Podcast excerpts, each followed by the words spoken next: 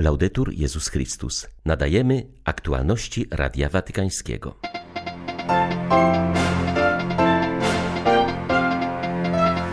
Papież Franciszek i wielki imam Uniwersytetu Al-Azhar wspólnie będą obchodzić Międzynarodowy Dzień Braterstwa. Kościół reaguje na rosnący we Francji antysemityzm. W obecności głównego rabina episkopat uroczyście zobowiązał się do walki z tym procederem. W walce z wykorzystywaniem Kościół w Irlandii uczynił bardzo wiele, ale wciąż musimy uważać, by nie zejść z obranej drogi, ostrzega ustępujący arcybiskup Dublina. 1 lutego witają Państwa ksiądz Krzysztof Ołdakowski i Krzysztof Brąk. Zapraszamy na serwis informacyjny. Przyszły czwartek przypada Międzynarodowy Dzień Ludzkiego Braterstwa. Jak podano dziś w Watykanie, papież Franciszek będzie go obchodził razem z wielkim imamem Islamskiego Uniwersytetu Al-Azhar dzięki wirtualnemu połączeniu z Abu Zabi. Przy tej okazji przyznana też zostanie nagroda Zajeda za promowanie ludzkiego braterstwa.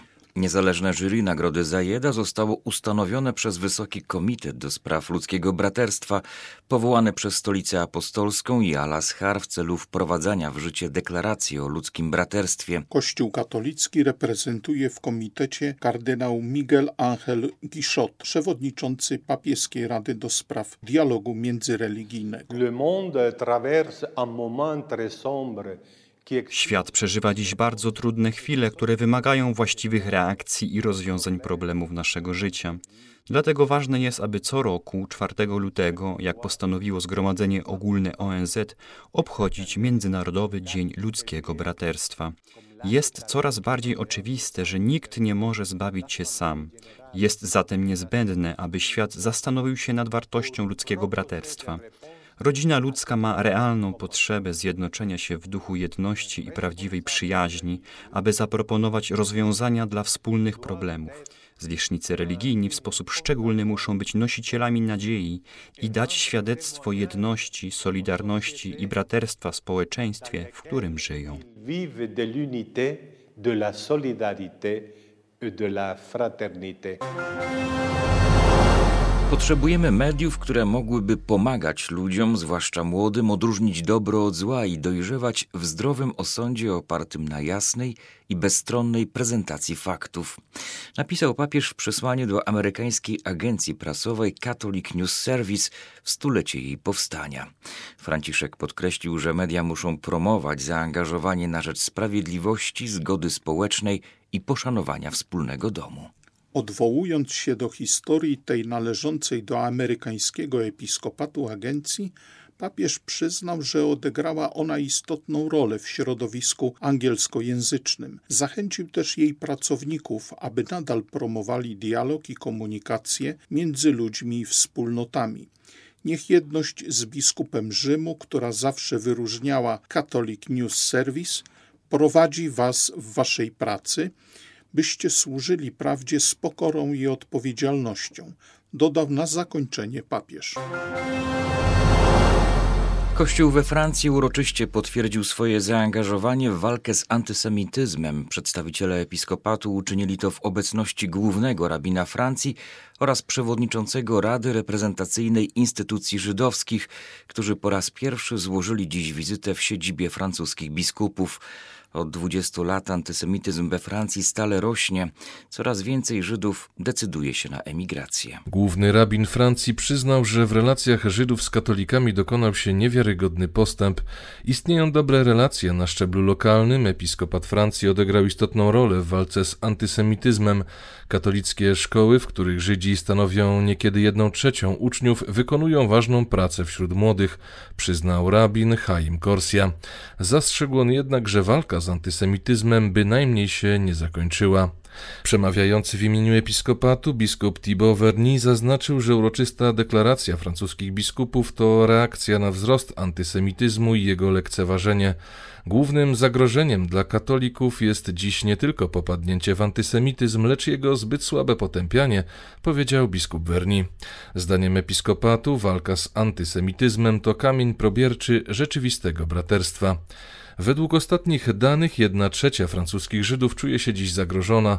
70% przedstawicieli społeczności żydowskiej doświadczyło antysemickiej agresji. W większości była to agresja słowna, ale co czwarty Żyd we Francji doświadczył też agresji fizycznej. Najczęściej dochodziło do tego na ulicy i w szkole. Zdaniem samych Żydów główną przyczyną antysemityzmu w tym kraju jest islamizm oraz uprzedzenia. Dopiero w dalszej kolejności wymieniają oni skrajne nurty polityczne, zarówno prawicowe, jak i lewicowe.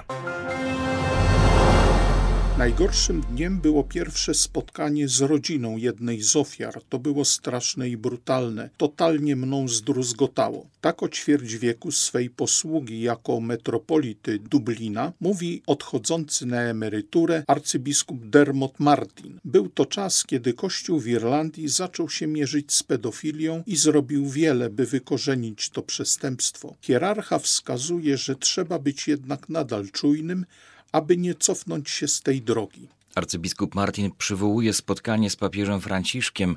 Powiedział, że często o mnie myśli, bo dostałem bardzo trudny kielich. Stwierdził, że jest przekonany, że są noce, kiedy kładąc się spać, pytam siebie, dlaczego nie zostałem w Genewie, mówi irlandzki arcybiskup, który wcześniej pracował właśnie w tym szwajcarskim mieście jako stały obserwator stolicy apostolskiej przy ONZ. Arcybiskup Martin wyznaje, że Jan Paweł II wysłał go do Dublina, by zrobił tam porządek. Początki były bardzo trudne. Spotkał się z ostracyzmem ze strony duchowieństwa. Wielokrotnie też słyszał, że nie może być mowy o tym, by do kościelnych dokumentów na temat pedofilii mogły mieć wgląd świeckie komisje. To pokazuje, jak bardzo zmienił się klimat od 2004 roku, mówi irlandzki hierarcha. Wyznaje, że gdy rozpoczynał swą posługę, nawet zwykli ludzie patrzyli na wykorzystywanie dzieci jako nakazu z księdza, który miał problem z butelką.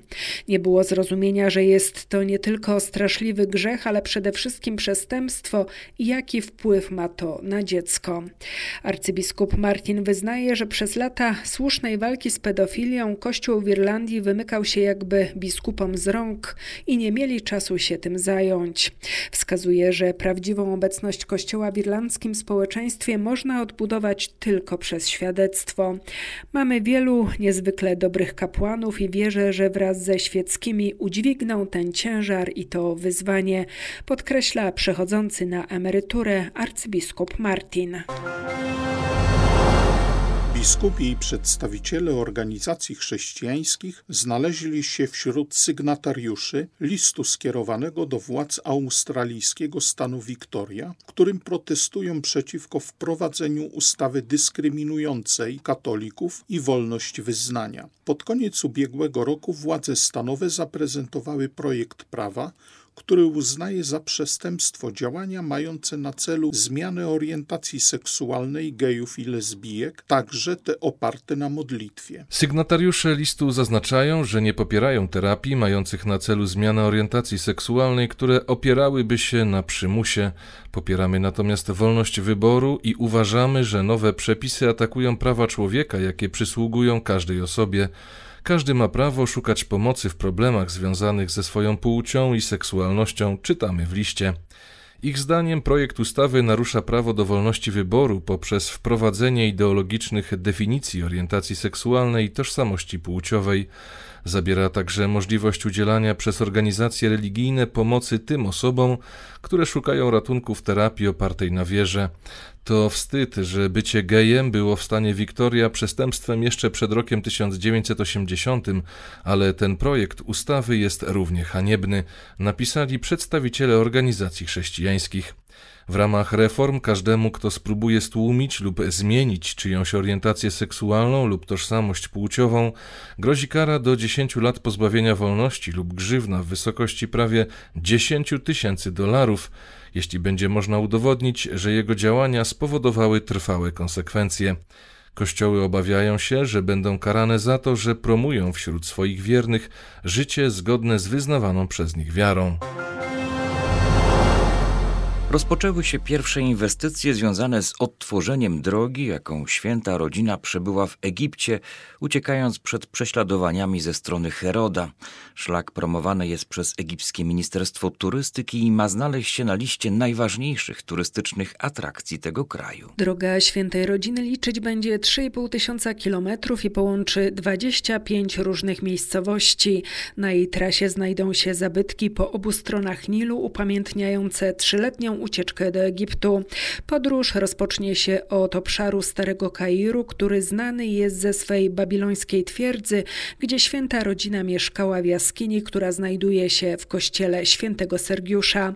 Dalej trasa poprowadzi do wioski Mataria, gdzie rośnie tak zwane drzewo Maryi, pod którym zgodnie z tradycją święta rodzina miała wypoczywać i do kościoła, przy którym Jezus zostawił na zboczu góry odcisk swej dłoni, chroniąc rodziców przed spadającą skałą.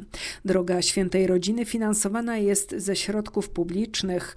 Władze Egiptu liczą, że stanie się ona prawdziwą atrakcją i przyciągnie do tego kraju rzesze pielgrzymów i turystów. Prowadzone są też starania o to, by trasa została wpisana na mapę Światowego Dziedzictwa UNESCO.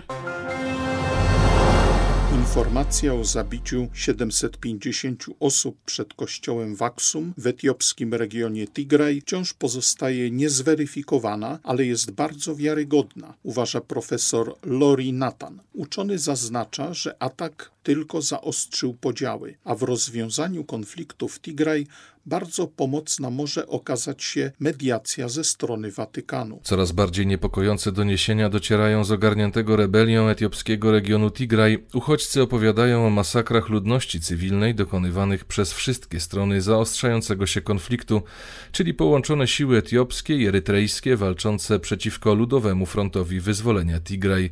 Do jednej z najbardziej wstrząsających należy informacja o rzezi nawet 750 osób w kościele Matki Bożej z Syjonu w Aksum. Kościół Matki Bożej z Syjonu jest dla Tigrajczyków miejscem szczególnie świętym. Zgodnie z lokalną tradycją uważa się, że w kaplicy Tablic znajduje się biblijna Arka Przymierza. Z relacji świadków wynika, że członkowie społeczności udali się na teren kompleksu zaniepokojeni tym, że zbliżająca się uzbrojona grupa mężczyzn zamierza splądrować kaplicę i zabrać arkę. W wyniku konfrontacji zostali oni ostrzelani. Ci, którym udało się przeżyć, poinformowali, że zabójcami byli żołnierze armii etiopskiej i amharskiej milicji. Jesteśmy prawie pewni, że do masakry doszło, ale dopóki ONZ nie przeprowadzi śledztwa, musimy opierać się jedynie na szczątkowych doniesieniach, wyjaśnia profesor Lori Nathan. Na całym świecie pandemia wymagała daleko idących obostrzeń, aż do drastycznych lockdownów, które zamknęły całe rodziny w czterech ścianach. Zwiększyła się przez to drastycznie przemoc domowa.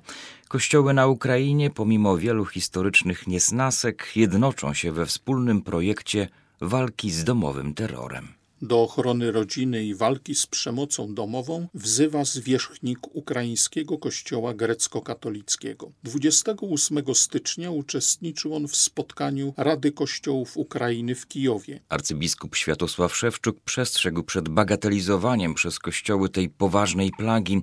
Wezwał do mobilizacji, aby chronić instytucje rodziny. W ten sposób kościoły i instytucje państwowe powinny podjąć misję uwrażliwiania i edukowania lokalnych wspólnot religijnych. W spotkaniu uczestniczył też metropolita kijowski i całej Ukrainy Epifaniusz. Nalegał on na zaangażowanie wspólnot religijnych, przede wszystkim na szczeblu lokalnym. Na wschodzie kraju sytuacja wygląda bardzo niepokojąco. W 2018 roku liczba zgłoszonych przypadków wzrosła o 76% w obwodzie donieckim i o 158% w obwodzie ługańskim. Były to Aktualności Radia Watykańskiego. Laudetur Jezus Chrystus.